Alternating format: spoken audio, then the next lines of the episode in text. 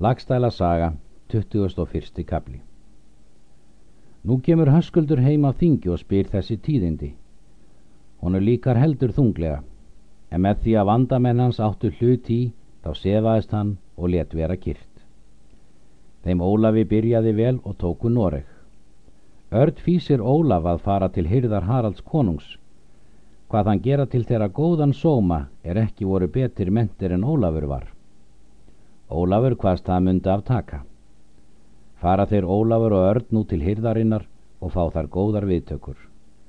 Vaknar konungur þegar við Ólaf fyrir sakir frænda hans og bauð honum þegar með sér að vera. Gunnhildur lagði mikil mæti á Ólaf er hún vissi að hann var bróður svon hrúts. En sumir menn kölluðu það að henni þætti þó skemmtan að tala við Ólaf þótt að nýti ekki annar að. Ólafur óglattist er leið á veturinn Örd spyr hvað honu væri til ekka. Ólafur svarar. Ferð á ég höndu mér að fara vestur um haf og þætti mér mikið undur að þú ættir hlut í að svo er þið farin sumar langt. Örd bað Ólaf þess ekki fýsast, hvaðst ekki vita vonir skipa þeirra um haf vestur myndi ganga. Gunnhildur gekk á tal þeirra á meldi. Nú heyr ég ykkur það að tala sem eigi hefur fyrr við borið, að sinn veg þykir hvorum. Ólafur fagnar vel Gunnhildi og látur eigi niður falla talið. Síðan gengur örn á brott en þegar Gunnhildur taka þá tal. Segir Ólafur þá ætlan sína og svo hvað honum lág við að koma fram ferðinni hvaðst vita með sannendum að mýrkjartan konungur var móður fadir hans. Þá mælti Gunnhildur. Ég skal fá þér styrk til ferðar þessar að þú meir fara svo ríkulega þánga sem þú vilt. Ólafur þakkar henni orðsín. Síðan lætur Gunnhildur búa skip og fær menn til. Bað Ólaf ákveða hver marga menn hann vill hafa með sér vestur um hafið. En Ólafur hvað á sex tegum manna og hvaðst þó þykja miklu skipta það lið var í líkara hermönum en kaupmönnum. Hún hvað svo vera skildu. Og er örn einn nefndur með Ólafi til ferðarinnar. Þetta lið var allvel búið. Haraldur konungur og Gunnhildur leittu Ólaf til skips og sögðust myndu leggja til með honum hamingju sína með vingan þeirri annari er þau höfðu til lagt. Sagði Haraldur konungur að það myndu auðvelt því að þau kölluðu engan mann vænlegra hafa komið af Íslandi á þeirra dögum. Þá spurði Haraldur konungur hver gamat maður hann væri. Ólafur svarar. Nú em ég átján vetra. Konungur mælti. Miklir ágættis menn eru slíkt sem þú ert, þegar þú ert enn lítið að barsaldri og sæk þegar á vort fund er þú kemur aftur. Síðan baði konungur og Gunnhildur Ólaf vel fara. Stegu síðan á skip og sigla þegar á haf. Þeim byrjaði ítla um sumarið. Hafa þeir þokur miklar en vinda litla og óhagstæða þá sem voru. Rak þá víða um hafið. Voru þeir flestir innabors að ákom hafilla. Það varðum síður á þóku, hóf að höfði og gerist vindar á. Var þá tekið til segls. Tókst á umræða hvertir Írlands myndi að leita og örðum en eigi ásáttur á það. Örd var til móts en mestur hluti manna mælti í gegn og hváðu örd allan villast og sögðu þá ráða eigar fleiri voru. Síðan var skoti til ráða Ólafs en Ólafur segir Það vil ég að þeir ráði sem hygnar eru því að verð þykji mér sem oss muni duga heimskramanna ráð er þau koma fleiri saman.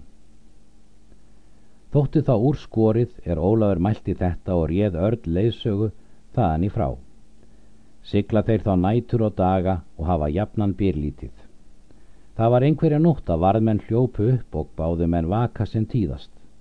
Hvaðu sjá land svo nær sér að þeir stungu nær stafni að en segli var uppi og all lítið veðrið að. Menn hlaupa þegar upp og bað örd beita á brott frá landinu ef þeir mættu.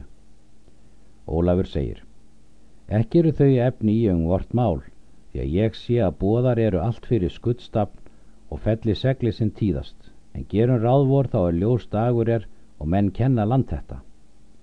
Síðan kasta þeir akkerum og rýfa þau þegar við. Mikil er umræðum nóttina hvar þeir mynda að komnir, en er ljós dagur var kendu þeir að það var Írland. Örn mælti þá. Það hygg ég að við höfum ekki góða aðkomi því að þetta er fjarrihöfnum og þeim kaupstöðum er útlendir menn skulu hafa frið, því að við erum nú fjara uppi svo sem hortsíl.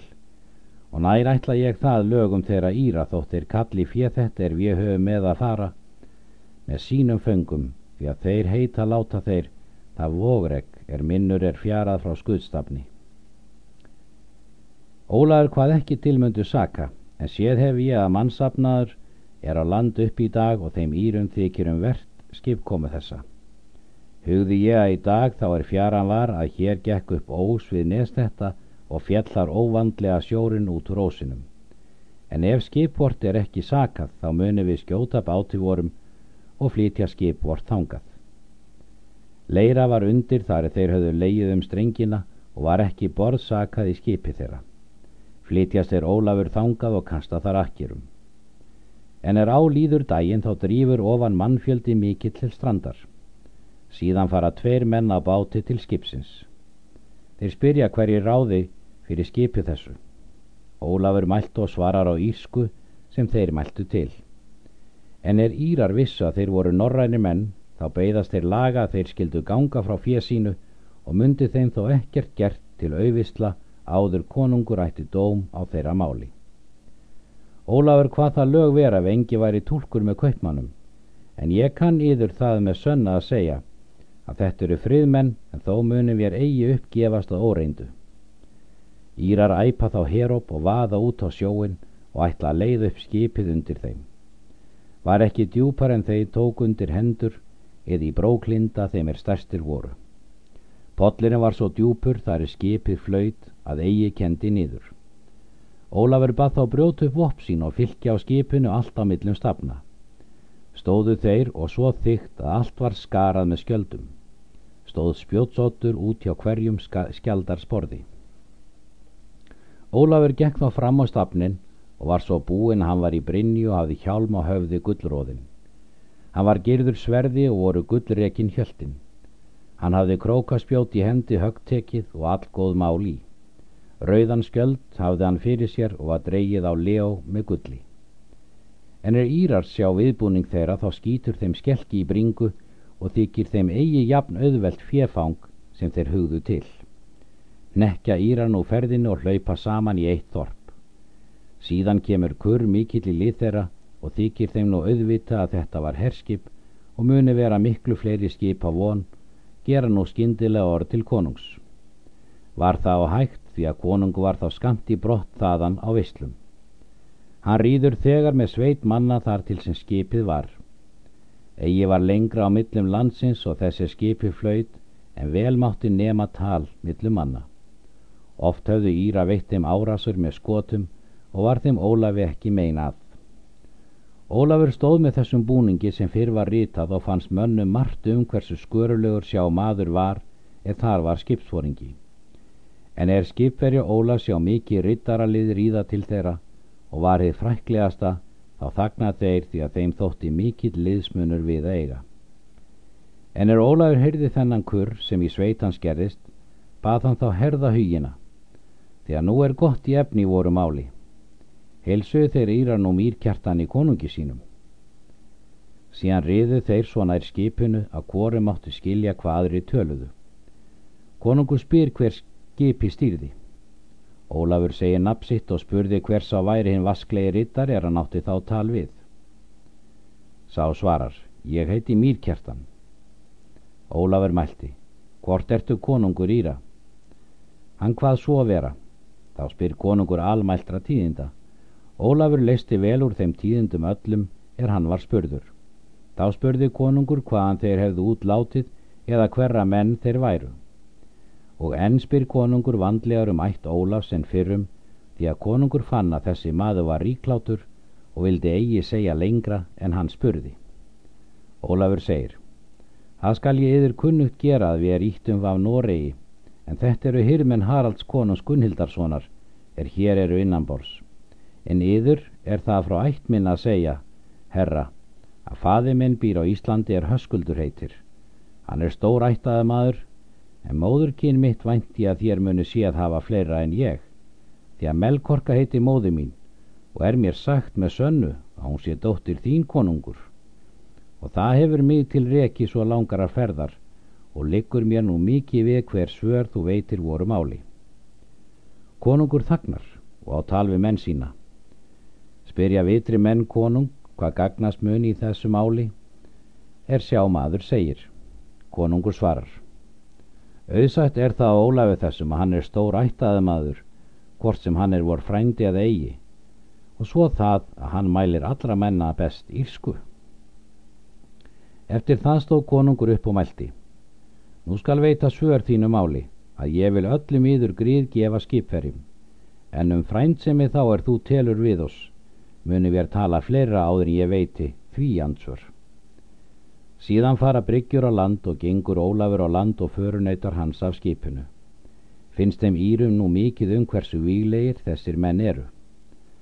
Fagnar Ólafur þá konungi vel og tekur ofan hjálmin og lítur konungi en konungur tekur honum þá með allri blíðu.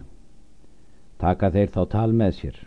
Flytur Ólafur þá enn sitt mála nýju og talar bæði langt erindu og snjált. Laug svo málinu að hann hvaðst þar hafa gull það á hendi er Melkorka seldi honum að skilnað á Íslandi og sagði svo að þú konungur gæfir henn að tannfje.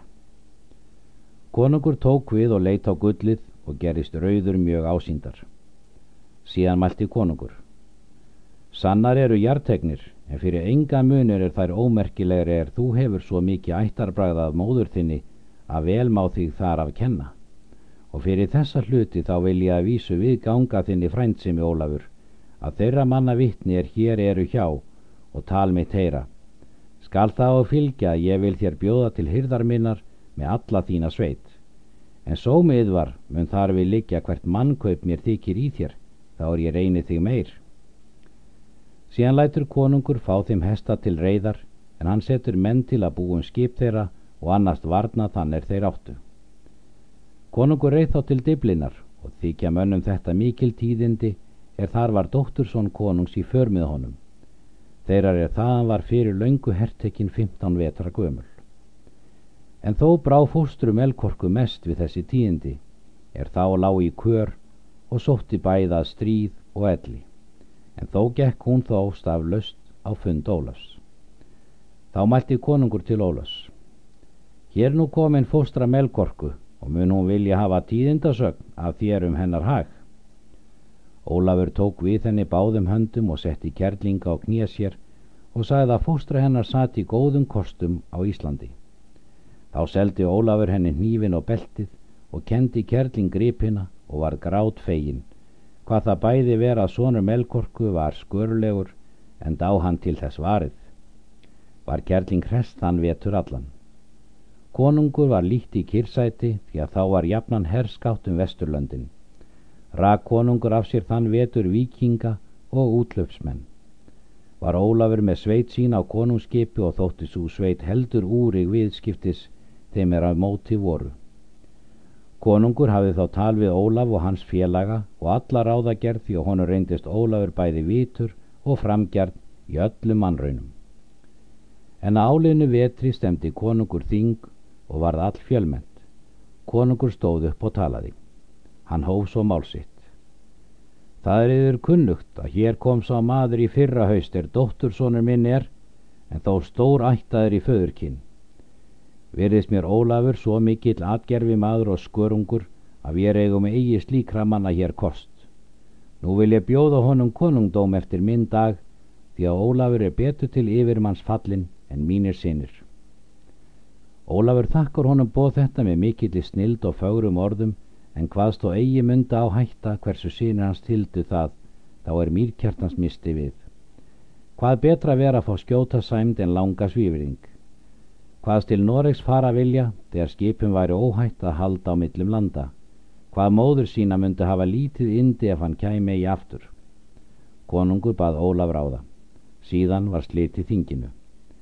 En er skip Ólafs var albúið þá fylgir konungur Ólafi til skips og gaf honum spjót gullrekið og sverð búið og mikið fyrir annað.